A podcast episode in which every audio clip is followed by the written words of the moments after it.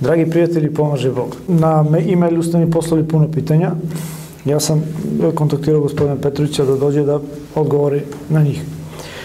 Gospodin Petroviću, prvo pitanje vezano za zdravlje. E, jedna devojka, neću sada da pominjem vaša imena i tako dalje, postavlja pitanje kako da reši bubuljice na licu? Pa problem bubuljica je problem unutrašnje zaprljanosti. Znači, kada je čovek, a, kad čovek nezdravo živi, kad je iznutra zaprljan, vodeći uzrok bolesti u sarnom smetu i smrti je broj 1 nezdrava ishrana, broj 2 a, pušenje duvana, broj 3 konzumiranje alkohola. Znači, čovjek se iznutra prlja i onda je Bog to tako podesio da ta prljavština koju čovjek unosi u svoje telo, prvo iskače na lice, jer čovjek se ne čisti samo preko mokreće, preko debelog creva, dakle izbacuje otpad, otpadke i otpadne materije, organizam se ne čisti preko, samo preko bubrega, imamo jetru, najveći unutrašnji organ, koji je jedan veliki filter. Znači, čovjek se čisti preko kože. I zato je jako bitno da se čovjek redovno a, pere. Voda je najbolji rastvarač u prirodi, znači čovjek se ispere vodom i to je najbolje, najbolja higijena spoljna, ali ono što je bitno to je unutrašnja higijena, da čovjek zdravo živi, da je fizički aktivan, da se zdravo hrani. Jer čovjek je mlad onoliko koliko su mu mladi krvni sudovi. Ljudi idu, i pogotovo žene, idu kod kozmetičara, koriste razne kreme koje samo štete koži. Ako hoćete da imate lepo lice, ako hoćete da nemate sede dlake, trebate da se zdravo hranite i zdravo da živite. Znači, ono što je smrt za, za krvne sudove, da izgledate stari i da, i da vam iskaču buljice, to, su, to je masna hrana, duvan, rafinisani proizvodi, kafa, alkohol. To je, kafa i alkohol, sve žene uglavnom piju kafu čim ustanu ujutru, to vam izlači tečnost iz organizma i kad, i kad koža nema dovoljno vlage, onda ona propada. A bubuljice su pokazatelj da ste iznutra zaprljani. Kako da se problem reši? Vrlo jednostavno, imao sam puno ljudi koji su me kontaktirali, koji su problem rešili jako brzo, neko za 10 dana, neko za mesec dana, ali niko za godinu dana. Svi za mesec dana se lice očisti da bude kao, kako oni vole da kažu, izgleda mi lice ko bebina guza. Znači, glatko, nežno i tako dalje. Znači, mora da se izbace svi rafinisani proizvodi, znači nema kafe, nema čokolade, nema kekseva iz prodavnice, tako da je ko voli slatko, nek jede koliko hoće, ali jede i urme, smokve, suvo grožđe, kafu ne možeš da piješ. Ujutru će te boleti glava prvih 5 dana, zato što se navikao na tu drogu, ali umesto kafe ujutru popiješ pola litra mlake vode sa pola isciđenog limuna. Mesto kafe, to je najbolji tonik. Možete da napravite i kafu od raži. To su pili naši A šta se dešava u organizmu kad čovjek popije kafu? Pa kad, pa kad popije kafu, evo samo četiri stvari da kažem koje se dešavaju. Prvo, podiže se krvni pritisak, veštački. I sada ti popiješ kafu, kao energetski napitak. Jer kafa je blaga verzija ovoga što oni zove energetski napitke, uh, da im ne spominjem ime, imena. To nisu nikakve energetski napiti, to je droga. Znači, to je velika koncentracija kofeina, koji ti veštački podiže krvni pritisak i ti kao dobiješ energiju. To je laž. To je laž, to je nikav energetski napitak, to je narkomanski napitak. I sad, ti kad popiješ kafu, to ti isto energetski, on ti kao daje energiju. On ti veštački podiže krvni pritisak, što je nezdravo. I onda organizam hoće da obori taj krvni pritisak. I ti opet piješ kafu, da dobiješ snagu. Znači, drogiraš se. Organizam obara krvni pritisak. I ti istreniraš organizam da on tebi stalno obara krvni pritisak. I ti ujutro kad se probudiš, organizam odmah obara krvni pritisak, ali si ga tako istrenirao. Ujutro kad usneš odmah džezva i kuvaš kafu. I ti ujutru kad se probudiš, organizam obara krvni pritisak ili se naviko da ga maltretiraš sa kafom. I ti sad piješ, kad ne mogu da ustanem bez kafe. I tako, tako izbacuješ, to je prvi, uh, ovaj, i sad ti, šta ćeš da uradiš, boli te glava, nizak ti krvni pritisak, jer, jer, jer organizam si istrenirao da ti obara krvni pritisak. Znači, nemoj da piješ kafu, idi pod hladan tuš, pa topao tuš, pa hladan tuš, pa topao tuš. Tako ćeš i da očistiš lice. I ti pet minut, pe, prvih pet dana će te boli glava, da se organizam navikne na novi režim, bez kafe. O, o, ovim takozvanim energetskim napicima i da ne pričam, to je tek droga, to, mislim, to bi trebalo zakon da se zabrani, ali polako se svi oblici narkomanije legalizuju u demokratiji, tako? Znači, to je prvi veštačko podiže krvni pritisak. Broj 2, diuretik. Mislim, sad šta je broj 2, a broj 1 nebitno. Evo, diuretik. Znači, izlači ti tečnost iz organizma. Dve trećine našeg tela je voda. Ti kad dehidriraš, tebi propada i mozak, i kosti, i lice ti se suši, suvati lice. Suvati, suvati usta. Zato moraš stalo da imaš pored sebe da piješ vodu. Kao ono kad sedneš u kafiću ili u kafani i ono ispred tebe čaša sa sokom i ti stalno te provocira da piješ. Stalno imaš ispred sebe vodu, flašu vode, pola litre. I stalno piješ, piješ, recikliraš tu vodu. A kafa ti izlači tečnost iz organizma, dehidraš i onda ti se koza suši, i onda ti lice, onda mora da stavljaš hidratantne kreme, tako. Kafa a, izaziva aritmije srca. Znači, aritmije srca. U srcu postoji taj takozvani SA čuvar, koji je zadužen za kontrakcije srca. Kafa izaziva da u određenim delovima srca se, a, se stvara, da kažemo, još jedan SA čuvar. Znači, i stvaraju se aritmije. Kafa izaziva pojačano lučne želudačne kiseline. Kad piješ kafu, želudačna kiselina se dodatno luči i možeš da dobiješ čir na želucu, dobiješ kiselinu, pa dobiješ čir na želucu, možda dobiješ ako nastaviš da piješ puno kafe, dobiješ rak na želucu.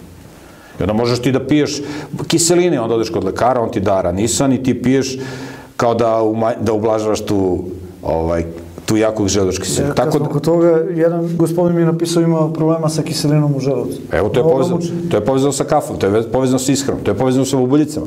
Jer ako hoćete neko da ima lepu, lepu kožu, treba da se hrani onim što je za čoveka, to je biljna hrana. Ne mogu bez mesa. Pa ne možeš zato što se naviku isto kao što ne možeš bez cigareta. Znači, zameni meso sa integralnih hleba. Znači, ako hoćeš da budeš zdrav, ja kao konj, treba da jedeš to što jede konj. Žitarice. Žitarice su strateška namirnica, a danas je napravljena priča da hleb treba izbacivati. Da je hleb najopasnija namirnica. Pa hleb je najvažnija namirnica. Žitarica je najvažnija namirnica. Znači, mi živimo u takvom satanizovanom svetu, da sve ono što je dobro se uništava i zatire, a ono što je destruktivno to se promoviše. Znači, dobar hleb je strateška namirnica. Žitarice. Žitarice su namirnice. Može da se, da se jedu sirove, integralne, Ko hoće, može da ima, postoji jedan dobar paket zdrave hrane na sajtu ipmproizvodi.com, ima paket zdrave hrane, gde može da se nabave i, i recepture kako se to koristi. Možete sami to da pravite. A možete da pravite hleb. Evo hleb koji ja pravim. 800 grama integralnog brašna, znači koji nije prosejan na, na ovaj, nije prosejano, znači integralno, kako je sam leven, tako to je integralno brašno. Može da bude 100% integralno. Ali ovaj, ovaj hleb koji ja pravim 70% integralno, on može duže da, tro, da stoji. Mrzi me da pravim hleb svaki dan ili svaki drugi, no ovo mi traje po 3-4 dana. Znači, 800 grama integralnog brašna, 400 grama belog brašna. Jedna supljena kašika sode bikarbone i jedan prašak za pecivo. I jedna čajna kašica soli. I kisela voda. I to se pomeša u jednoj posudi, Nema da stoji. Ono, znači, bez kvasca. Nemam ja vremena da čekam da on se podigne. Sa tim se pomeša, stavi se u tepsiju, ja imam teflonsku tepsiju, stavim malo hladno ceđenog ulja na uljem, stavim u rernu hleb, znaš kakav hleb, 7 jezika govori. To se jede umesto mesa. I ti kad jedeš integralni hleb, možda ga jedeš sam, Možda ga jedeš sa jabukom, možda ga jedeš sa orahom, možda ga jedeš sa grožđem, sa lubenicom, možda ga jedeš sa salatom, možda napraviš neku čorbu od povrća, pasulj, grašak i tako da. Ali, sta, ali kad imaš hleb, hleb je ono što je što je glavno. Ne možeš ti da se najdeš od salate. Ne možeš ti da se najdeš od jabuke, od grožđa, od lubenice. Ali najdeš se od hleba. Kao što konj jede, konj je po anatomi sličan nama. Biljojed. Ali kad on ne može bez mesa, ne, onda mu nema pomoći, on zakiseljava organizam, truje organizam, zapuši mu se debelo crevo, organizam ceo strada. Ko danas ima, ko danas ide tri puta dnevno da vrši veliku nuždu? Tako bi trebalo. Ako čovjek ide tri puta, posle obroka bi trebao da ide u roku od pola sata da ide da vrši veliku nuždu. Ko to danas ima? Danas to redko ćeš da nađeš kad se svi nezdravo hrane zapušeno, debelo, zapušeno debelo crevo. Mesto debelo crevo da izbacuje to što je nepotrebno, što kontaminira ceo organizam, on ga tu skladišti. I onda se ceo organizam kontaminira, zagađuje.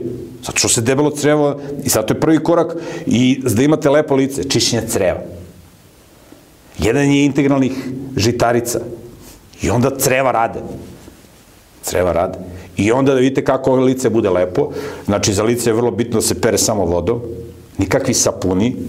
Ljudi, jel, šta radi sapun? Vi kad, vi kad koriste, sapun se koristi kada se zamastite. Jer sapun isuši kožu. I onda koža ostane bez masnoće. I onda vam je koža suva. I onda morate neke losione. Znači, koža, telo se pere vodom. Pa kako, kad se tušira Kad se tušira, ispereš se vodom. Osim ako si se baš nešto, ako si se umastio ovo ono, pa ti treba sapun da ga, da ga, ovaj, da razbije tu masnoću. Voda je najbolji način za, da, se, da se tušeš samo vodom ili sa nekim blagim sapunom iz province zdrave hrane. Ali samo se vodom istuširaš, to je dovoljno.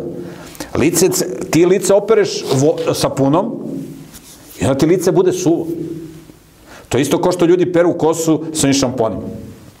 I onda on misli da mu je kosa čista, kad prođe rukom kroz kosu i ona kosa cvrči. Pa kosa cvrči zato što si suma s noću ubio sa, sa tim šamponom. Zato je najbolji, najbolje prati kosu samo vodom, svaki dan. Ti kad pereš kosu šamponom, kao ne sme svaki dan, jednom sedmično, dva puta sedmično pereš kosu. Pa kakva je to higijena? Pa ti se znojiš i na glavi. Ja jedan dan ako ne operem glavu, ne operem kosu, onda me svrbi, razumeš? Pa čime vi perete? Sa vodom. Samo vodom? Samo vodom ili sa ceđi. Znači jednom dnevno operem sa ceđi, pošto ja svaki dan oznojim, radim nešto, fizički sam aktivan.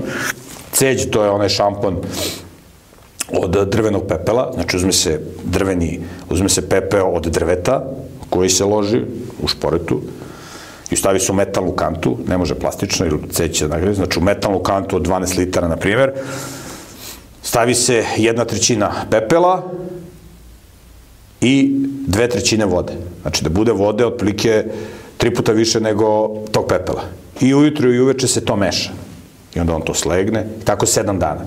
I osmi dan Pepe je slego dole, ovo što je od ozgo, se, samo se prospe, iscedi, e, isipa se u staklene flaše, ne u, u plastične će ceđi da ga nagrize. I onda sa tim, ako je to previše jako, ako vas peče, još dodate vode da razbažite. I onda namokrite kosu, sipate taj ceđ, on blago peni, ali podesite vode da vas ne peče. On ne peni jako, on blago peni i sa ceđi isperete kosu. Te kad su tako prali kosu i, i veš i tako dalje i tako dalje. To je najbolji šampon što postoji. On ne isušuje kožu. Ali kada govorimo o licu, ja perem kosu svaki dan sa ceđi. Jednom, jednom ne obično uveče, pred spavanje. Preko dana ako se oznojim, ja se operem sa vodom. Ili mogu da perem i dva puta dnevno ceđi, ne može da mi bude šteta. Samo vodom? Samo vodom. Nekad koristim sapun iz province zdrave hrane, ali ja kad se istučiram samo sa vodom, ja sam super. Jel, a, često imate da kad se čovjek istušira, kad se čovjek istušira i kad se opere sa punom, onda ga svrbi, jer mu, se, jer mu koža mu se osuši, koža, koža ima svoju masnoću. I onda, Ja se kupam sa punom. molim, pa odlično, Pecka, samo pecka. Pa, pa peckate zato što is, a, ta, ta a, masnoća kože, koža ima svoju masnoću, koja je potrebna za održavanje a, gipkosti i zdravlja kože. Ali je bitno šta jedemo, nije samo lice da nam bude lepo, nego da nam bude lepa koža po celom telu. Ako hoćemo da imamo zdravu kožu, moramo da pazimo šta jedemo, da budemo fizički aktivni, da se tuširamo svaki dan. Jer, jer kad ti sa sapunom ispereš telo, onda te pecka, jer si skinuo si svu masnoću sa tela. Svu masnoću sa tela si skinuo. Tebi treba kad radiš, ako si automehaničar, pa umastiš ruke, pa ti treba sapun da skineš onu masnoću. Da, jer sapun razbija tu masnoću. Tako da, a, najbolji način a, za higijenu tela je voda. Voda je najbolji rastvarač u prirodi. I zato je lice. Lice se pere samo vodom, a ne sa sapunom. On uzme sapun. Čim nešto pipne, ja znam ljude, čim nešto dotakne, odmah pere sapunom. I onda mu se koža, na rukama mu se skroz upropasti, počnu da mu se stvaraju ekcemi, plikovi i tako dalje. Jer s- čim nešto dotakne paranoičano, odmah pere sapunom. Opereš vodom, prijatelju, to ti je najbolja higijena, najbolji rastvarač u prirodi voda. Ali moraš iznutra da budeš čist, moraš iz polja. Tako da je pranje vodom, i mnogi ljudi imaju problem sa, sa, sa peruti, govorimo o koži. Ovaj, sa ceđi kad se pere, perut nestaje. Naravno, imaju neki koji su pod stresom, koji ovo, pa imaju gljivice na glavi i tako dalje. Postoje određeni šamponi koji su dobri za ta gljivična oboljenja na kosi, ima onaj mikoseb je dobar za gljivice, iako i sa ceđe može taj problem da se reši, ali sa mikosebom se potpuno skinu, se skinu ko ima gljivice, ali kad neko ima gljivice po glavi, znači da stvarno nije održavao higijenu i da je pod stresom i da se nezdravo hranio. Tako da, ključ za lepo lice je unutrašnja čistoća. I spoljna je vrlo bitna, a najbolji, najbolja spoljna higijena je voda. Ovo je što spominje za želudac, da ima kiselinu i tako dalje. Glavni uzroci kiselinu u želudacu su konzumiranje namirica životskog porekla. Znači, ti jedeš prijatelju meso. On ti zakiselja, podiže ti žel... Čovjek ima deset puta blažu, kiseli, blažu želudačnu kiselinu od meso jeda. Čovjek je po anatomi bilje, ali aj ti to objasni ljudima. Naviko da jede meso, nema ti pomoći prijatelju, idi pa žderi meso. Nećeš da jedeš integralni hleb, on jede beli hleb. To nema nikakvu hranju vrednost, prazne kalorije. Razumiješ? Pije kafu, podiže želudačnu kiselinu. Možeš ti da uzmeš parče sira kao začin, kao salatu, eto da ti daš mek, da uzmeš šolju kiselog mleka tri puta sedmično. Nije to problem. A ti piješ, ti piješ, piješ mleko ovo, ovaj, obično, jedeš meso svaki dan, piješ kafu, piješ alkohol, to sve postiče a, pojačano lučne želudačne kiseline. Nerviraš se. Možda ja se hraniš zdravom hranom, sve kako treba. Nerviraš se. Onda, na primer, ne može, mora da bude, ma on šta god jede, on ulje neko sipa. Mora da ga zaulji. Razumeš? Pa prži ono dva prsta na ulju ili na masti. Mislim, mast je katastrofa. Ulje, ako se koristi ulje, najbolje se koristi hladno ceđeno ulje. Ja predlažem ono suncukretovo, ima jedna firma u Srbiji, zove se Biberova ulja, porodica Biberović pravi, najjeftinije i najkvalitetnije hladno ceđeno suncokretovo ulje, što da košta 150 dinara litr, što da plaća 1000 dinara ili ne znam koliko košta maslino ulje. Nije ono ne znam šta kvalitetno i tako dalje. Tako da, znači ja izbegam ulje ovo što da koristim, ili ulje koncentrisana masnoća. Ješću masline kao salatu, što da jedem ulje, maslino ulje. Ali ljudi moraju da bude masno. I onda imaju problem sa želudačnom kiselinom, pojačano lučenje, nerviranje, tako da čovjek koji je smiren, koji se hrani biljnom hranom, pije dosta vode, to se brzo rešava želudačna kiselina, pojačana želudačna kiselina. Gospodine Petroviću, da li je zdravo dimljeno meso? U stare vremena su meso sušili tako što su ih stavljali na tavan i onda na promaju. Na promaji se sušilo meso. Danas da bi se ubrzo, i, i u ranje vremena se dimilo meso, sada se ubrza proces sušenja mesa, da bi meso moglo duže da stoji, onda ga dime. Međutim, taj, taj dim od vatre, on je, on je pun ugljen dioksida, koji je kancerogen, koji je jako nezdrav. I onda vi kad dimite meso, vi ćete da osušite meso, a to meso je otrovno. Zato muva neće sleti na, na, na dimljeno meso. Jer zna da je kancerogeno. Muva ima više mozga nego čovjek. Čovjeku bitno da je ukusno i da napuni stomak. Neće da jede integralne žitarice, hoće da jede meso. Izvoli prijatelj jedi meso. Ako čuje da u mesu ima soja, on se sablažnjava. Soja je najbolji izvor proteina u prirodi i najzdraviji binog porekla koji nam odgovara. Iako čovjek nije mašina na proteine, i to su ovi što dižu tegove. Proteini, ne proteini, prijatelji, nego ugljeni hidrati. Ako hoćeš da imaš dobre mišiće, kao konj treba da jedeš ugljene hidrate, ne proteine. Trebaš da unosiš najmanje 80% ugljenih hidrata i maksimalno 10% proteina. Tako da dimljeno meso nije zdravo. Mislim, čovjek je po anatomiji biljed, uopšte meso, meso je namernica da se jede kad nema ništa drugo, da se preživi. A čovjek je po anatomiji biljed, a dimljeno meso je katastrofa. Jako, jako nezdravo. Znači, ako se, ako se suši meso, najbolje da se suši na promaji.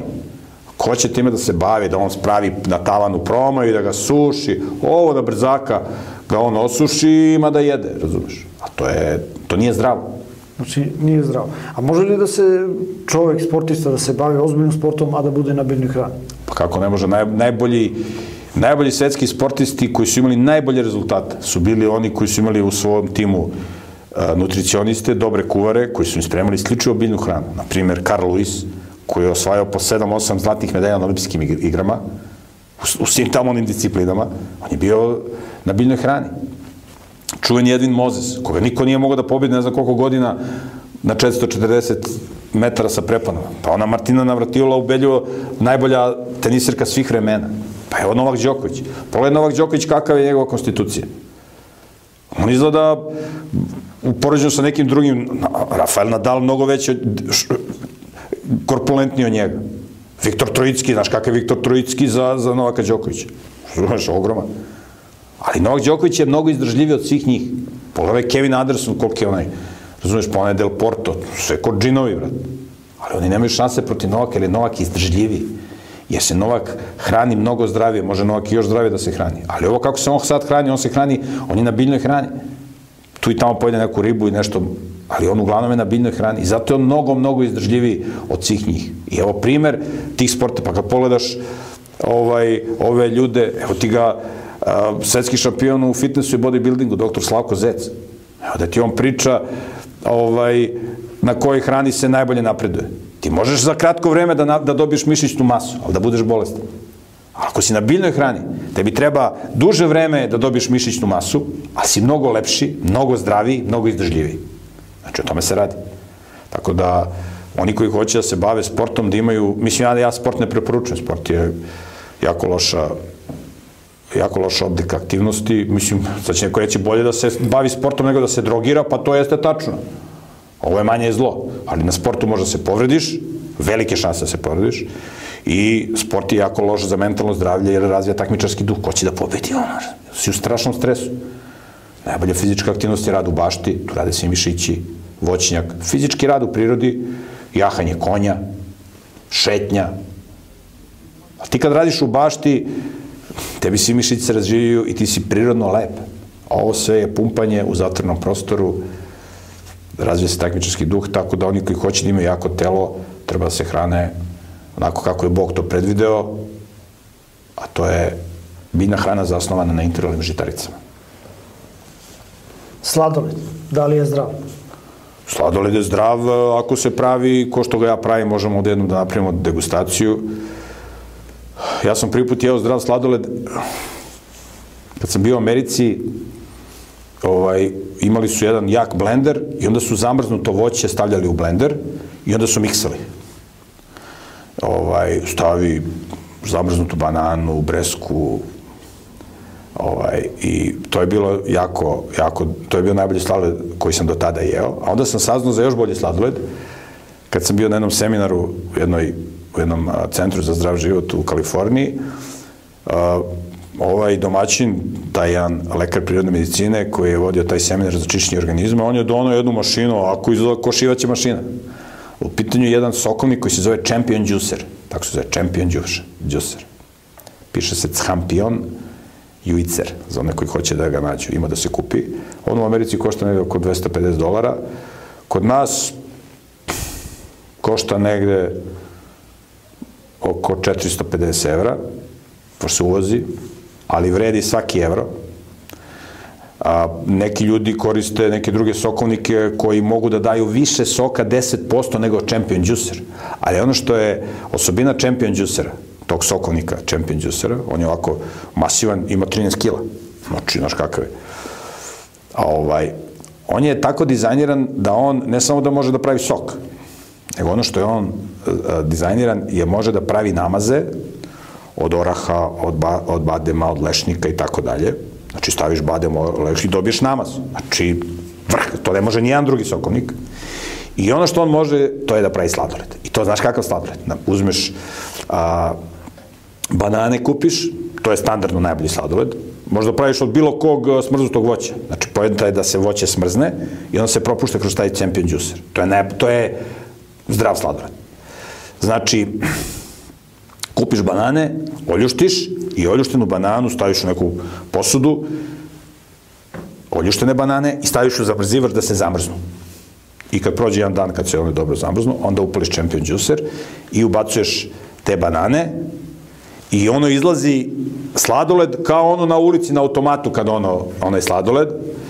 Znači, zaleđena banana. Ti možeš tu, kad tu stavljaš bananu da ubaciš i orahe i bademe, pa on sve to izmiksa samenje. I onda bude banan, sladoled sa bananom i orasima. To je poseban šmek. I onda kad to dobiješ, to se obično sipa ovako dole, staviš čašu, on upadne taj, ovaj, taj sladoled, Znaš koliko ti dobiješ sladoleda od jedne banane? Znači, to ne može, to je toliko hranljivo. To ne, ne, ti ne možeš da pojedeš ovog sladoleda, možda jedeš ono, razumeš, nema nikakvu hranljivu vrednost, ima slabu hranljivu vrednost. Ovaj sladoled što se prodaje na, ovaj, na ulici. I onda od ozgo se uzme, stavi se na prije neka ovaj, višnja i nasecka se rukom badem, onako od ozgo, kao preliv. I ovaj, to je ubedljivo najbolji sladoled. Ovaj sladoled koji se prodaje na ulici i u prodavnicama to je sladoled koji je uglavnom a, neki neka baza nekog voća sa belim šećerom, sa aditivima, mislim, nije to, mislim, to nije zdravo. Sad, ako se jede redko, razumeš, neće čovjek sada se otruje. Ako pojede sladoled jednom sedmično jednom mesec dana, tako tu taj sladoled iz prodavnice, Ovaj, ali generalno taj sladoled nije zdrav, zavisi šta se u njega, uglavnom se u njega stavlja mleko, stavljaju se jaja, kakvo je to mleko od bolesnih krava, jer teško ćete danas naći zdravu kravu, to je sve po bunkerima, tamo na farmama, ta jaja što se ubacuju, šećer beli, to je sve, sve to vrlo nezdravo. Tako da sladoled koji se prodaje na ulicama i ovim posatičanicama generalno je nešto što, što nije zdravo. Ako čovjek hoće da bude zdrav, najbolje da pravi sladoled ovaj, ili u blenderu, ili, ili u Champion Juiceru, to su najbolje varijante. U nekoj od vaših kolumni rekli ste da, da kravlje mleko nije zdravo. A kako su deca odrastala na kravljem mleku? Pa oni su odrasli na kravljem mleku, ali ne znači da su bili zdravi. Ljudi su nekad bili i danas su jako bolesni, Čovjek je jedini sisar koji pije mleko nakon što ga majka odbije od dojke. Vi nigde nećete vidjeti u prirodi da mačka pije mleko nakon, ili pas, ili vuk, ili medved, neki, nakon što ga majka odbije od mleka. Ako vi ponudite mački mleko, ona će da pije, ali mačka ne traži mleko. Nijedan sisar ne pije mleko nakon perioda dojenja. Znači, mleko se pije samo dok zubi ne izrastu, dok je, dok je organizam mlad. Više od 50% svetske populacije ne može da pije mleko. Zato što nema enzim za varenje mlečnog šećera. Znači, više od 50% ljudi na svetu ne može da pije mleko. Znači, čovjek nije dizajniran za to. Naveću jedno, naveću najveće medicinsko istraživanje u istoriji. U pitanju je a, čuveno je kinesko istraživanje. Kada je 70. godina 20. veka a, kineski premijer Chu Enlai oboleo od raka. On je tražio da se uradi medicinsko istraživanje, da se utvrdi šta je uzrok raka da se to ne bi dešavalo kod ljudi. I onda je odlučio da se, uradi, da se uradi jedan eksperiment na kompletnoj kineskoj populaciji, tad ih je bilo 890 miliona kineza. Angažovano je 65.000 medicinskih radnika, ljudi koji će da rade u tom projektu na istraživanju. A šef istraživanja je bio čuveni doktor Colin Campbell sa Cornell univerziteta iz Amerike. On je vodio to istraživanje. To je čuveno kinesko istraživanje. To je najveće medicinsko istraživanje u istoriji. Kasnije Colin Campbell kada je otišao u penziju nije hteo tada objavljuje te podatke da ne bi imao problema. Kada je otišao u penziju objavio je knjigu China Study ili kinesko istraživanje. Kod nas je ta knjiga objavljena pod naslovom Moć ishrane. Moć ishrane. Knjiga može da se nabavi na sajtu ipmproizvodi.com. Moć ishrane. Colin Campbell. I evo navešću samo neke podatke iz tog istraživanja. Naprijed uzmu dve grupe eksperimentalnih pacova ili miševa. I jednoj i drugoj grupi uh, ovih miševa ubrizgaju aflatoksin. Aflatoksin je substanca koja najmoćnije podstiče razvoj raka. Najmoćniji kancerogen. Aflatoksin raste na buđi, kikirikija i kukuruzu. I ubrizgaju jednoj i drugoj grupi ovih miševa ili pacova, ubrizgaju aflatoksin. I onda ovu grupu miševa hrane ishranom u kojoj ima 20% proteina životinskog porekla. A u ovoj ishrani uopšte nema proteina životinskog porekla, samo proteini biljnog porekla. Svi miševi koji su hranjeni proteinima životinskog porekla, svi su dobili kancer i svi su uginuli. Ovi miševi koji nisu jeli proteine, koji nisu dobili proteine, nisu se hranili proteinima životinskog porekla. Znači, meso, mleko, sir, jaja, oni su svi ostali živi, iako su dobili aflatoksin i jedni i drugi.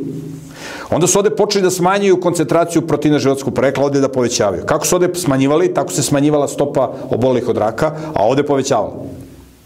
I na kraju, kada su videli koji protein, život, imaju razni proteini životskog porekla, koji protein životskog porekla najmoćnije postiče sve oblike raka, to je protein kazein, koji čini 87% proteina kravljeg mleka. Znači, kravlje mleko nije namirnica a, za, za, za, za, za čoveka. Može da se koristi u malim količinama kad nema ništa drugo. Kiselo mleko i jogurt to je neka druga priča. Nije ni to nešto savršeno, ali može se konzumira u malim količinama. Obično mleko se ne preporučuje. Može da se konzumira kad majka ne može da doji. Pa se daju, daju se dve mere kravljeg mleka i jedna mera vode. Tako su radili u stara vremena. Ali to je samo privremeno. Dok dete malo ne, ne, ne, ne, ne stasa i tako dalje, dok ne, dok, ne počne, dok ne može da počne da jede neku pasiranu hranu, barenu ili pa se to kao kašica da bude. Tako da, a, mleko, kaže mora da se jede mleko jer a, ima kalcijum. To je kalcijum životskog porekla koji naš organizam teško upija. Ako hoćete da unosite kalcijum i da imate jake kosti, jer 99% kalcijum u telu je skladišteno u, u kostima i 60% magnezijuma u kostima. Ako hoćete da unosite, da imate kalcijuma, treba da jedete namirnice biljnog porekla koje su bogate kalcijum. Najbogatije su sam, razumete, pa jedete pasulj, suncokret i tako dalje. To su namirnice koje su bogate kalcijuma, koje su biljnog porekla, koje naš organizam može da, da, da, da upije. Kravlje mleko ima kalcijum, a naš organizam ne može da ga upije. Može mali procenat. Jer nije dizajnera za čoveka. I šta se dešava kad pijete kravlje mleko? Onda vam kosti slabe. Zato što pijenje mleka, koje je po svom hemijskom sastavu kiselo, zakiseljavate organizam, a naša krv je alkalna, znači kiselo je suprotno od alkalna. I kad vi zakiseljavate organizam, onda organizam mora da ga alkalizuje. I onda polači alkalne elemente, a to su kalcijum, magnezijum, odakle ih polači? Pa iz kostiju. I onda ih polači iz kostiju i koste propadaju. Zato najslabije kosti imaju Amerikanci i Šveđani, jer najviše jedu mlečne proizvode. Ako hoćete da imate zdrave, jake zube, morate se hraniti zdravo. Da jedete, namerite, da jedete hranu bogatu kalcijumom i magnezijom i drugim mineralima, ali biljnog porekla. Ja kad sam skoro bio nešto kod zubara, imao sam neke sitne korekcije i sad on uzao nešto da mi, da nešto zub malo da turpija. Kažu, o, ti je jaka gleđ. Pa jaka je zato što se hrani na adekvatan način. Ti kad se nezdravo hraniš, onda ti, su ti zubi slabi, propadaju, bolesni, ovo ono. Kad se zdravo hraniš, ti nikad nemaš, ti nemaš probleme sa zubima. Tako da kravlje mleko nije namerica za čoveka, kravlje mleko je namerica za tele. Kozje mleko je namerica za jare. Ovčije mleko je namirnica za jagnje. Čovjek može to da jede u malim količinama, kad nema ništa drugo. Može da uzme parče sira, da uzme malo kajmaka, ali da to on jede svaki dan. Kajmak, sir i ovo pomalo može. Kravlje mleko, sirovo ne se ne preporučuje. Mislim, ja ga ne preporučujem nikom, a kamole deci. Tako da, priča o mleku je jako ozbiljno, ali kao i sve druge stvari, promoviše se dezinformacija i neistina, jer je to deo jedne šire priče, ali da bi se ona priča razumela, mora se razume teologija. Kada Isus kaže da on svetom vlada Sotona i njegovi ljudi, koji imaju Ne, ne, ne prodaje se mleko i energetska napit i cigarete da bi se pravile pare, nego da bi se uništavalo čovečanstvo. Ljudi koji to prodaju, oni kontrolišu banke, oni imaju sva, sve pare ovog sveta, mogu da upisuju na svoje račune koliko hoće. Ali onda oni kažu to je zavera, pa naravno da postoji zavera da se čovjek uništi. Naravno da je zavera. To vidimo na sve strane, samo promocija destrukcije. Ako se pojavi neko da neko pametno, da nešto pametno priča, da nešto pametno radi, odmah ga likvidiraju ili ga satanizuju ili ga uhapse i tako dalje. Tako da, treba čovjek da bude informisan i da ne podleže dezinformacijama da bi sačuvao svoje zdravlje i zdravlje svoje dece. Da li su paste za zube zdrave? Pa do, mislim, ovaj, postoji jedan, jedan, jedan, jedan prigovor da ljudi koji se hrane biljnom hranom ovaj, ne mogu da unose vitamin B12. Vitamin B12, jer vitamina B12 nema u biljkama. Prvo nije tačno da ga nema u biljkama, ima ga u malim količinama, ali ono što je bitno to je da, da ovaj, vitamin B12 proizvode bakterije u našim crevima i u našim ustima. ali naročito u crevima. Tako da, kada se koriste paste za zube, to je jedan od potencijalnih uh, mogućnosti da se te bakterije koje su korisne, a postoje u našim ovaj, ustima, da one se uništavaju. Najbolji način higijene uh, zuba je da i ustaje da se čovjek zdravo hrani. Može da, ako ima, i da ima, da održava, da ima sve zdrave zube, neko se rodi sa nekim krivim zubima, da to ispravi i tako dalje.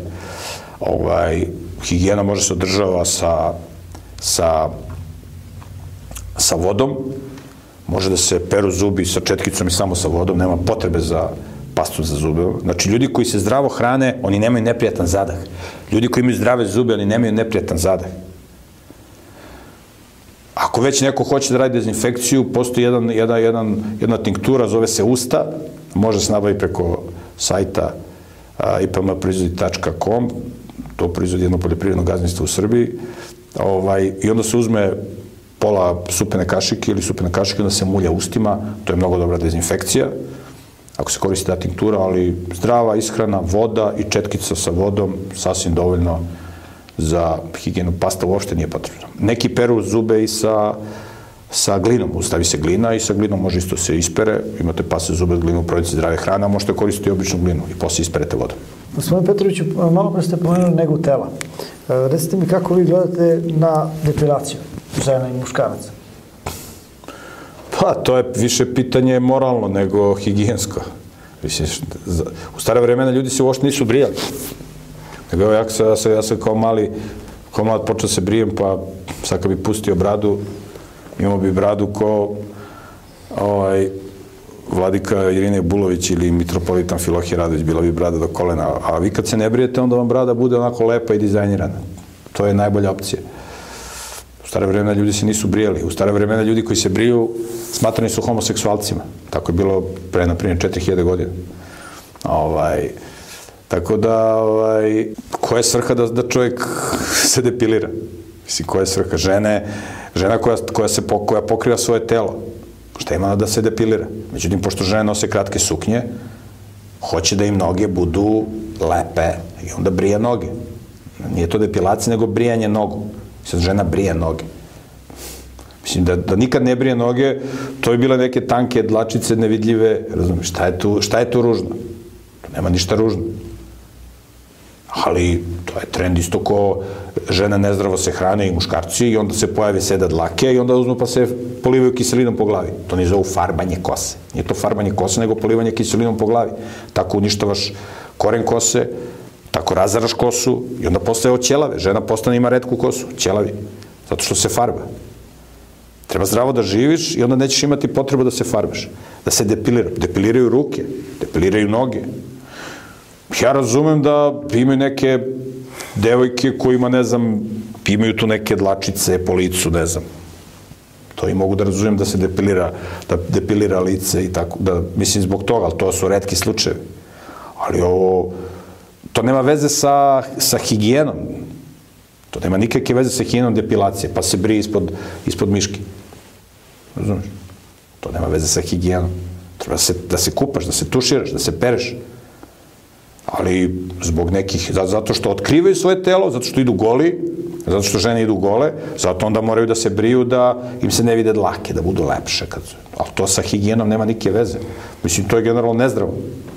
Ti čupaš dlake sa svog tela, briješ dlake sa svog tela. Tako da to nema veze sa zdravljem. To je više pomodarstvo i pitanje, i moralno pitanje.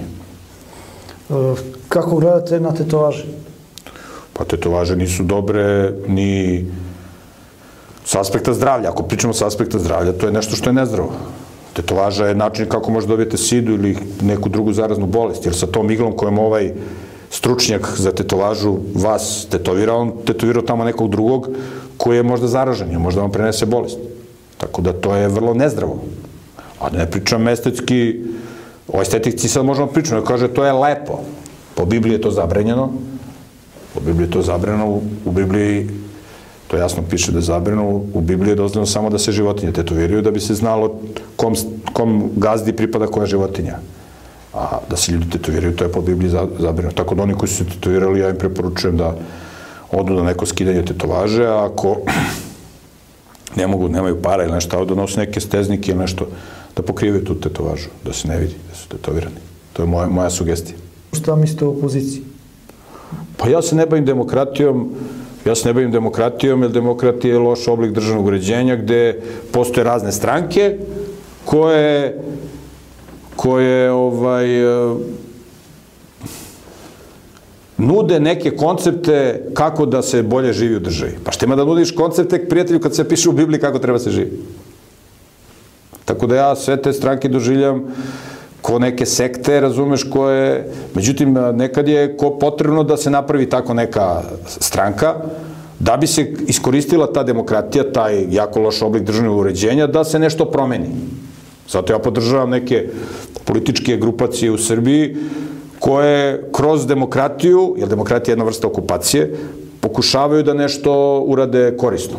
I onda oni nešto korisno rade. Zato podržavam, na primjer, Mišu Vacića i Srpsku desnicu, jer oni kroz političko delovanje pokušavaju da urade neke humanitarne projekte i za narod na Kosovu i u Srbiji i da organizuju nešto. A, nažalost, većina političkih stranaka se e, registrovala da bi rušila vlast. Pa, e, ja razumem da se neko politički organizuje da nešto korisno uradi u državi. Pa ajde da budem deo vlasti, kao na primjer u Izraelu. U Izraelu postoje ovi religiozni jevreji. Oni se ne bave rušenjem vlasti, nego on hoće da dođe, da on uđe, do, dobije jedan broj glasova i da onda formira vlast sa nekom jačom partijom, ili nebitno. I on kad dođe, kad on ovaj, postane deo vladajuće koalicije, on kaže ovako, Znači, nije, se on, nije njegova politička platforma glasajte za nas da mi srušimo ove na vlasti. Ne. Nego glasajte za nas da mi možemo da, da izdestujemo dobre zakone. I onda oni dođu, postanu deo vladiće koalicije, ti religiozni u Izraelu, i onda oni kažu, ovi se, njih ne interesuje ovo ko su, nego oni kažu, sad da li oni podržavaju ovi sekularci, ne znam, gej parade, diskoteke, cigare, blejanje, to njih ne, oni kažu ovako, vidi, mi ćemo da podržimo vladu, ali vi nama da date da država finansira naše religiozne škole. To je ono što ja pričam, školstvo, školstvo. Mi tražimo ove zakone. Sve što će da bude u funkciji jačanja porodice. I to je ono što, što, što bi opozicija, čime bi opozicija trebala da se bavi. Znači, da iskoristimo to što smo u Skupštini, taj neke pare što dobijamo, ili da, da budemo deo vlasti, ali da iskoristimo, prava opozicija bi trebala to da radi, da iskoristimo to da, da poboljšamo zakone, da se, da stanje kod pametnih ljudi bude bolje. Ljudi koji hoće da žive u prirodi, ljudi koji hoće da imaju više dece, ljudi koji hoće da imaju bolje zakone. A ti danas u svetu, ne samo u Srbiji, nego po, pogotovo u Srbiji, jer ove druge zemlje su, što bi mi rekli, legle na rudu, tamo ni nemaš pravo opoziciju. Kod nas je opozicija, jedini cilj opozicije ne da se bolje živi, nego da se ruši vlast. Kad oni sruše vlast, onda će bolje se živi. Pa čekaj, vi ste bili na vlasti od 2000. do 2012. mislim, ova aktualna opozicija. Tako da oni su se pokazali kakvi su na vlasti. Tako da ja nemam lepo, nemam lepo, lepo mišljenje opozicije jer oni ništa korisno ne rade. Znači, ja, ja, ja ne gledam da li neko vlast ili opozicija, nego kad govorimo o političkom delovanju, da, šta ti radiš korisno za državu? Ja razumem da, da u, u politici i u demokratiji onaj koji je na vlasti, da bi neko bio na vlasti mora da finansira članstvo, mora ovo, jer nisu oni u stranci tu zato što vole neku ideologiju, nego većina njih zbog, zbog neke koristi i tako dalje. To, su, to je demokratija. I mi smo o tome pričali koliko je demokratija. Ali generalno ja nemam lepo mišljenje o današnjoj opoziciji, ništa korisno ne radi. Znači, ja, ne, ja ih, nemam ja ništa protiv što su oni opozicije, nego zato što ništa korisno ne rade. Ja volim, ja ljude delim na one koji nešto, nešto korisno rade i na one koji ništa korisno ne rade. Tako da, mislim, ja tako ljude generalno, a ne da li neko vlast i opozicija, ovaj, time se ne bavim, želim da podržim sve one koji, koji nešto korisno rade. Pa dobro, sad ste tim odgovorili, neko mi je poslao pitanje zašto toliko branite predsjednika, sad ste to rekli. Pa predsjednik Srbije, Aleksandar Vučić, radi mnoge pametne stvari. On, on, je, on je najbolji diplomata od, od kad postoji parlamentarizam u Srbiji. Znači, je diplomata. On, je, on, on, on jedno priča, a radi ono, evo, evo, evo, evo klasičan primer, ovaj, briselski sporazum. Znači, briselski sporazum koji se toliko kritikuje i zbog koga napadaju ovaj, predsjednika Vučića, tamo, tamo ne piše doslovno Srbija mora da prizna Kosovo u jedinim nacijama, ali tamo piše da Srbija neće sputavati učlanjenje Kosova u međunarodnim organizacijama. Znači, to doslovno, znači, drugim rečima, Srbija se neće, neće sprečavati Kosovo da uđe u jedne nacije. I taj briselski sporazum kad je ponuđen, tekst iz briselskog sporazuma, kad ga pročitaš, to je izdaja. Znači, potpisuješ da nećeš da sprečiš Kosovo da uđe u jedne nacije, priznaćeš Kosovo kao nezavisnu državu. I to ti je isto ono kao što je bilo u Rambujevu. Dolaze međunarodni teroristi i traže od Miloševića da, da a, potpiše da će strana vojska da dođe na Kosovo. I on to nije hteo da potpiše. I onda su nas bombardovali. I sa šta radi Vučić? Vučić potpiše briselski sporazum. Ali, ga, ali, ali se trudi da ga ne poštuje gde god može. I on potpiše briselski sporazum u kojem se traži da, da će Srbija da dopusti Kosovo učenje u svim međunarodnim zajednicama. A Vučić ih obstruira gde god stigne. Ne mogu da se učene ni UNESCO, ni u Interpol, ni, a o nacije da ne pričamo. Tako da, to se, to se zove diplomatija. To se zove da ti u nenormalnim uslovima, a to je demokratija, znači okupacija, gde ti spoljni faktor diktira uslove, ti uspevaš da dobiješ mir, kupuješ mir sa nekim potpisima, sa nekim dokumentima koje ne poštuješ. Ne poštuješ. Ovako kažeš, ja poštojem, mi smo sve ispoštovali, u stvari ti obstruiraš gde god možeš, kao što i oni rade. Oni potpišu komunalski sporazum, pa, pa, pa ga ne poštuju. Oni potpišu detonski sporazum, pa uhapse čoveka koji je potpisao detonski sporazum Slobodana Milošića. Znači, oni nijedan međunarodni sporazum ne poštuju, Tako da, a u isto vreme predsjednik Srbije dovodi investitore, jer narod neće da pokreće privatni biznis, hoće da bude rob, evo vam fabrike, evo izvolite radite, razumeš? Tako da, a, ja podržavam ovo što radi, što je do sada uradio aktorni predsjednik, zato što radi pametne stvari, zato što imamo mir u Srbiji, zato što u Srbiji nikoga ne mogu da hapse teroristi, razumeš? Oni mogu da laju preko svojih goveđih medija, ali nijedan patriota u Srbiji do sad nije uhapšen. Ja ne znam šta će sutra biti i kako će se ponašati predsjednik, aktorni predsjednik Srbije, ali za ovo što je do sad uradio, to niko nije uradio u istoriji u domenu demokratije, to što je on uradio, sa tendencijom da, da, da, da, da se urade mnoge dobre stvari. Ali u demokratiji vi imate limite. Tako da na duže staze, mi ako ne iskoristimo ovo što sad radi predsjednik Srbije i omoguća nam mir, da pravimo produkcije, da jačamo porodice, da se razvijamo, da se povezujemo sa Bogom. Dolaze teška vremena i ako mi ne iskoristimo ovaj mir da se povežemo sa Bogom, mislim da predsjednik Srbije neće moći još dugo da kupuje mir i, i da, mislim da generalno to je nemoguće u demokratiji. Demokratija je takav nakaradni oblik državnog, ali eto imamo sada mir i ja podržavam to što on radi, ovaj, mislim da to što radi je stvarno Ovaj, mislim, slažem se sa onim što rekao Patriarh Irine, da, da, je, da je aktorni predsjednik Srbije od Boga poslati, da je stvarno Bog... Jer to što on radi i toliko koliko ga pljuju i napadaju, a on sve to trpi i sve to što radi, to ne može da radi čovjek sam od sebe. To može samo neko ko je nadahnut Božim duhom. To je jednostavno nemoguće, da, da, to, da čovjek ima tolku snagu da to sve može da podnese i da sve to uradi što radi aktorni predsjednik. To je nemoguće. Znači, aktualni predsjednik je, je, je potvrd onoga što u Bibliji piše. Ali, kažem, Bog ne može, ne može Bog da spasi Srbiju preko jednog čoveka. Ako mi nešto ne preduzimo, ako mi nešto ne uradimo, ne vidim perspektivu, ne vidim perspektivu u Srbiji, ali ovaj, ovo što radi predsjednik, aktualni predsjednik, stvarno je nešto veličanstveno u nenormalnim uslovima, u nenormalnim uslovima da pametni ljudi mogu da se razvijaju, a budale i ovi ljudi bez mozga, oni će uvijek da budu nezdovoljni, da im je neko drugi kriv, što oni stradaju, što neće da se kupaju, što neće zdravo da žive, što su lenji i neuredni. Da li ćemo u budućnosti izgubiti Kosovo, Rašku, Vojvodinu, kao što su zacrtali strani neprijatelji? To isključivo od nas zavisi. To isključivo od nas. Znači, Bog hoće da se vrate sve srpske zemlje.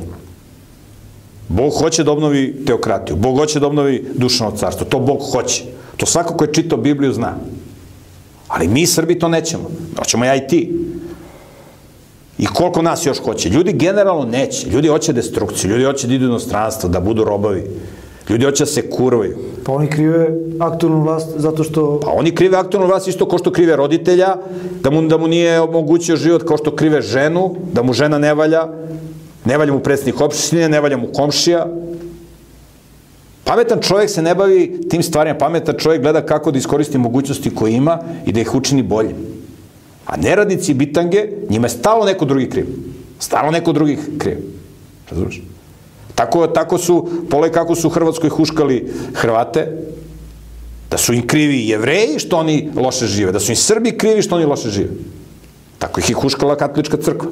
Jer, jer su jevreji i Srbi najteži za asimilaciju i za konvertovanje u katolicizam. I kad su protrali sve Hrvate i Srbe, kad su protrali sve Srbe i jevreje, sad proteraju Hrvate.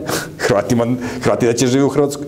Više se iselilo Hrvata iz Hrvatske nego što, što je proterano Srba u prethodnom ratu. To je slika te politike goveđe. Znači, neko drugi kriv što vi loše živite. Krivi su Srbi, krivi su jevreji. Kriva je vlast, kriva je žena, kriva je... Uvijek je neko drugi kriv. Ne, prijatelju, ti preuzmi odgovornost za svoj život. I to ono što smo pričali u onom serijalu Teokratija.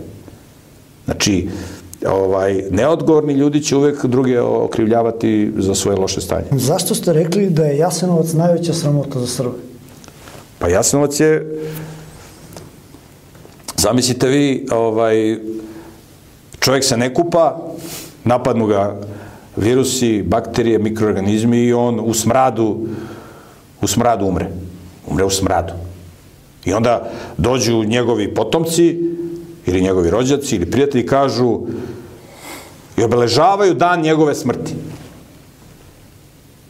I kažu za njegovu smrt su krive bakterije, virusi, mikroorganizmi. Pa nisu krive bakterije, mikroorganizmi, nego ono što se nije kupao, prijatelji, što nije održavao higijenu. To je danas isto što slušaš, kaže, umro odjednom, dobio infarkt, razumeš, logiro se i umro. Odjednom, bio zdrav čovek. Kako bio zdrav čovek? Kako može zdrav čovek da umre od, od, od srčnog udara? Nego, jeo, krkao, tebi se zapuše krvna žila 80%, ti to ne osetiš. Pušiš, piješ, jedeš ono smeće, pljeskavice, ono đubre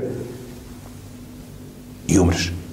Tako i Srbi. Nisu održavali svoju higijenu duhovnu i došle bakterije, mikroorganizmi, štetočine, dođu Ustaše i pokolju Srbe. Pa svi znamo da je Hrvatska vatikanska tvorevina. Pa nema to veze, Vatikan je, Vatikan je samo leglo, Vatikan je samo leglo ovaj, e, e, te bolesti.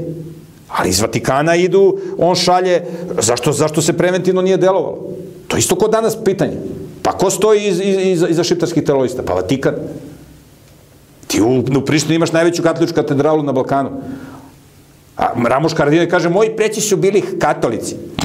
On tri čuke ne zna, kako mu se zvao pradeda. Koji katolici? A zato što on prihvatio tu filozofiju, isto koja Edi Rama, kome su i otac i majka pravoslavni, on je katolik. Isto kao Ibrahim Lugova, koji je konvertao u katolicizam. I ti kad se, ti kad se nakačiš na Vatikan, ne sme niko da te dira. U prljavim poslovima. Isto ko Crna Gora, Milo Đukanović. Razumeš? On je dobar s Vatikanom, potpisao konkordat s Vatikanom, postao njihov satelit, da sme niko da ga dira. Najjača sila na svetu. Najjača sila kad nema Boga. A danas na planeti Zemlji niko neće Boga, I onda Vatikan radi šta hoće. Znači, po vama da su se Srbi tada povezali sa Bogom? Pa da su Srbi, da su Srbi moralno živeli. Ne bi se nikak kakav Vatikan. Pa poleti, Ustaše se pojave tu, umesto da ih kralj Aleksandar počisti, on ne sme da ih dira. I oni se sa komuniste, ne sme da ih dira. I onda komunisti naprave genocid ovde. Ustaše naprave genocid. Moraš da imaš, moraš da održavaš higijenu, moraš da održavaš, moraš da deluješ preventivno. Ali u prevenciji, prevencijom se niko ne bavi. Evo, nedavno je gostovao na televiziji N1 u Sarajevu, jedan poznati sarajevski lekar, mislim da je internista, zove se e, Emir Solaković, bio Međunarodni dan zdravlja. I on kaže, znate šta, ja ću vam sad nešto reći što se neće svidjeti ni vama, ni gledocima. Ali kaže, ja ću iskreno da vam kažem. Ključ je prevencija. Zdrav život, higijena. A kaže, mi na medicinskom fakultetu ništa o tome nismo učili. Mi kažemo prevenciji, lekari ne znamo ništa. Imali smo, ne znam, tri časa, nešto to niko nije ni slušao, bilo dosta, nešto bez veze. Znači, ništa se ne zna o prevenciji. Savremeni, savremeni lekari ne znaju ništa o prevenciji. Tako mi ne znamo o prevenciji kako se zaštitimo od ustaša. Od šiptarskih terorista. Od ovih terorista, od ovih terorista, od ovih terorista, od ovih terorista. Znači, ne znamo. Ne znamo kako se zaštitimo od nezdrave hrane. Od dilera droge. Ne znamo. Jer smo postali i evropljani. I onda mi stradi. Onda oni dođu i pokolju nas. I onda kukulele, oni su nam krivi. Pa nisu nam oni krivi. To je naša sramota. Što mi dozvolili da nas najgore gnjide, ljigavci pokolju i da, i da, nas, i da pobiju milion Srba, brate. To je bruka najstrašnija. A to će ponovo da nam se desi, ako mi nešto ne preduzmemo. Ako se mi budemo uzdali u jednog čoveka da će on sam sve to da reši, predsjednik Srbije, on ne može sam bez naše pomoći. A, a, a neradnici traže da on sve reši i da njima bude lepo u Srbiji. Da li šiptari mogu da ostvare svoj cilj da stvore veliku Albaniju? Stvaranje velike Albanije nije nešto što šiptari žele, nego što želi Vatikan. A Vatikan je finansira šiptarske teroriste. A šiptari hoće da žive u miru. Kao i svaki drugi narod. Nije šiptarima do ratovanja. Ali šta se oni pitaju? Se pitaju. Šta se pitaju Hrvati? Mislim, šta je pitao? Dođe Ante Pavelić sa naoružanom bandom, ajde vidimo koji će Hrvat da mu se suprostavi. Ako mu se, Ante Pavelić kad je došao vlast, prvo je, prvo je pobio sve Hrvate koji ga ne podržavaju. Pa onda išao da ubija jevreje. Znači, Vatikan hoće da stvara države lojalne a, sebi. Sad, da li će to da bude Velika Albanija? Ili će da budu dve države, ovaj, dve šiptarske države? To je potpuno nebitno za Vatikan. Za Vatikan je bitno da, da, su, da su oni lojalni gazdi i da svi budu pod jednim šeširom koji se zove Evropska unija, ali Evropska unija je Vatikanska tvorevina. Znači, u Evropsku uniju ne mogu da uđe oni koji nisu lojalni Vatikanu. Znači, ne može da uđe Turska, nema šanse. Iako je Turska jedna od najjačih evropskih ekonomija, a ne može da uđe, jer nije lojalna Vatikanu. Ne može da uđe Srbija, Srbija nikad ne može da uđe. Dok bude nel... Kad bi papa došao u Beograd, u Srbiju, i da mu se pokloni i patrijarh i predsjednik i ovo ono, ušla bi Srbija ovako u Evropsku uniju. Pa to što je rekao Hočevar, ne možete u Evropsku uniju sa Svetim Savom. Tako je. Znači, ne možete, pole kako su primili Rumuniju u Bugarsku. To su, znaš, kakve Mickey Mouse države i ekonomije. Oni su 50 godina iza Srbije. Ali ekumenističke države, kobejagi pravoslavne, lojalne Vatikanu, ulaze ovako. Tako da, je, tako da je pitanje da će biti velika Albanija ili ne, to je totalno nebitno. Kako će oni da se organizuju? Oni mogu da prave veliku Albaniju da bi uh, uh, se branili od, od Srbije. Jer njima je Srbija trnu oko. Odnosno, trnu oku su oni koji neće da budu lojalni Vatikanu glavnom svetskom sileđi. Amerika nije svetski policajac, Amerika samo čini ustupke Vatikanu zato što je Amerika pod najvećim udarom. Znači, nije najveća, najveće zlo ovoga sveta Amerika. Amerika je samo neka vrsta polica, koji nekoga ko odrađuje ustupke Vatikanu da, bi, da, je, da, da ga Vatikan ostavi na miru. Ceo svet se huška protiv Amerike, ali Amerika je nelojalna Vatikanu. Tu su, se, tu, su, tu su pobegli jevreji, tu su pobegli a, pravi, mislim, dobri pravoslavci, svi četnici su tamo pobegli. Gde da beže? Nemaš ti da bežeš iz Evrope gde je osim u Ameriku. Tamo su bežali protestanti. To su ovi koji su odvojili od katoličke crkve jer im se nije jer su, jer su, jer su im se smučilo to što je, radila, što je radio papa i, i, i, i, i cela ta bulumenta. Tako da Amerika država najveće slobode u poređenju sa drugim zemljama i zato su oni najprosperitetniji u svakom pogledu. Ali su oni najviše satani. Tako da da će da bude velika Albanija neće, mislim, Albanija je srpski termin. Albani su ilirsko pleme, odnosno srpsko pleme, jer Iliri su srpsko pleme. A ovi nisu, oni nisu Albanci, oni su Šiptari. To, je, to su neki iz Azije što su došli. Ali ih je Vatikan prozvao Albancima, zato što je tu živjelo albansko, tu, tu, tu su živjeli Albani, koji su bili Srbi. I sad oni nose, i sad je njima neprijatno kad im kaže Šiptari. A oni u svom jeziku nemaju reč albanac. Oni kažu, ja sam šiptar, un jam šiptar. On, un geš čiperije, ja sam iz čiperije. Oni nemaju u svom jeziku reč albanac. To ne postoji, to je srpska reč. Albani. Albani su Srbi. I onda se njima namen, se nameće, vi ste Albanci, država Albanija, a oni uporno kažu ja sam Šiptar. Moja država je Čiperija. Ali zašto je bitno da im se nameće tuđi naziv? Da bi istorijski se reklo, pa tu su živjeli neki Albani. Pa živjeli su Albani, stvarno. A Albani su Srbi. To je ilirsko pleme. A Iliri su, ako neko zna, ja sam pričao o tome ko su Iliri. Mislim, koga interesuje istorija? Ljude interesuje, istorija ne interesuje. Isto koji ne interesuje ko je Skenderbeg. Mislim, Skenderbeg, Srbi, brate, najveći, oni njima kažu on nacionalni hero. Će prihvate, brate, da im daju Bruce Lee-a. Će kažu, Bruce Lee bio Albanac, razumiješ? Imaš ovde u Leskovcu, imaš ovde podvrce, jedno naselje, tu žive većinski Romi, i oni kažu, Bruce Lee je bio, Bruce Lee je bio iz podvrce poreklom. I hoće da mu prave spomenik u podvrce. I sad on, ko što oni prave spomenik Bruce Lee u podvrce, tako ovi prave spomenik Skenderbegu da razumeš, na Kosovu i tu gde oni žive. Jer oni misle da je, ovi misle da je Bruce Lee bio Rom, a ovi misle da je Skenderbeg bio Srbi. Možeš ti da misliš šta hoćeš, brate. Možda Marsovci na, na, ako ih Vatikan ubedi, pa Marsovci na Marsu naprave spomenji Skenderbegu da je Skenderbeg bio Marsovac. Razumeš, ne bi me to iznenadilo. Razumeš? A to je ta, kad, kad ti imaš, kad, se, kad ljudi poslu kao goveda, i onda ti s njima radiš, razumeš, to je onda cirkus. U slučaju sukoba, da li bi nas Rusija branila? Pa, Šta mislite o tome? Pa to je, mislim, Rusija...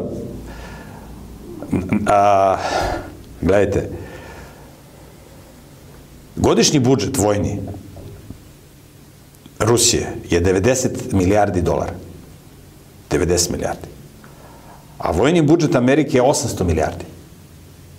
To je 9 puta veći budžet. Ako Amerika stane na stranu Vatikana, a prema biblijskim proročanstvima to će se desiti, a Vatikan će da preuzme Ameriku, to je biblijsko proročanstvo. Kraj priče. Kako može Rusija nas da brani od, od Amerike? Jer ako Amerika krene da... Ovo je rat na prostoru bivše Jugoslavije. Da Amerika nije strala na stranu Vatikana, nikad ne bi i ovi teroristi uradili to što su radili i proterali Srbi iz krajine i tako dalje.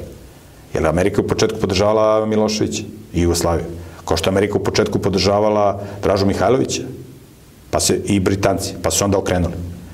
Tako se Amerika okrenula i o tome govori ovaj američki ambasador u Vatikanu, John Milledy, on je napisao knjigu, koji je bio iz, od, 90, od 87. od 89. do 93. ambasador američki u Vatikanu. I on priča kako u početku Amerika podržavala Miloševića i Srbiju i posle pod pritiskom Vatikana se okrenula protiv.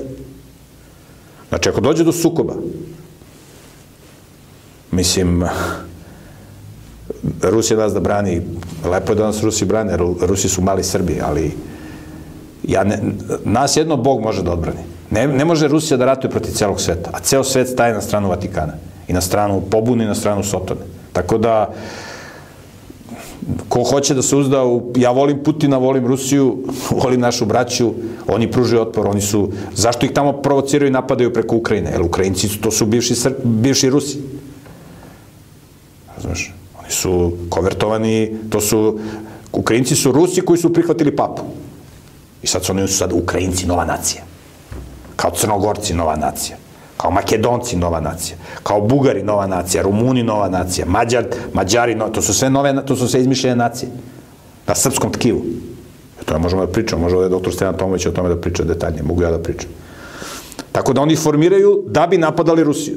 Jer Rusija im je, znači trnu oko im je Rusija, Srbija, Izrael i Amerika. To su četiri države koje su im glavni. Amerika, kad uskoro klekne potpuno, onda Izrael ostaje bez podrške, Rusija ne može protiv celog sveta, Kina kao nešto priču, pa Kina je satelit Amerike, tamo je sva američka industrija. Oni misle Kina, onda oni kao nešto tu, kao sukob Kina, Rusija, Amerika, kakav sukob. A Kina je satelit Amerike. Tako da, mi ako se ne okrenemo Bogu, nama spasa nema. Ovde će, nama se sprema novi Jasenovac. Ili ćete da se poklonite papi, da se poklonite papi, ili će da bude novi Jasenovac. Kraj priče, to nam se sprema. Što se mene tiče, ja, ako bude novi Jasenovac, ja idem u Jasenovac. Nek kolju, nek me ubijaju i mene i moju porodicu, ali ja da budem na njihovoj strani, to nema šanse. Ja bih volao da se obnovi teokratija, da se stvori neko minimalno zdravo tkivo i da nas Bog pogleda, da nas sačuva, ali mislim, ja se, ja volim Putina, ali ja se ne uzdam u, u, u njega i u Rusiju, uzdam se u Boga. Sad, da li će Bog, može Bog njega da upotrebi da, da produži ovo vreme mira, da mi možemo da se razvijamo.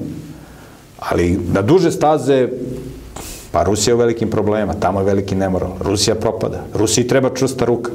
Da se tamo u, u, uvedu dobri zakoni, da se Ja bih volio da se, i da Rusija se priključi teokratiji koju bi Bog obnovio u Srbiji, pa da budemo, da bude to jedna država. Neka, neka teokratska unija, naprimjer, teokratska unija, Srbija, Rusija i ko još hoće.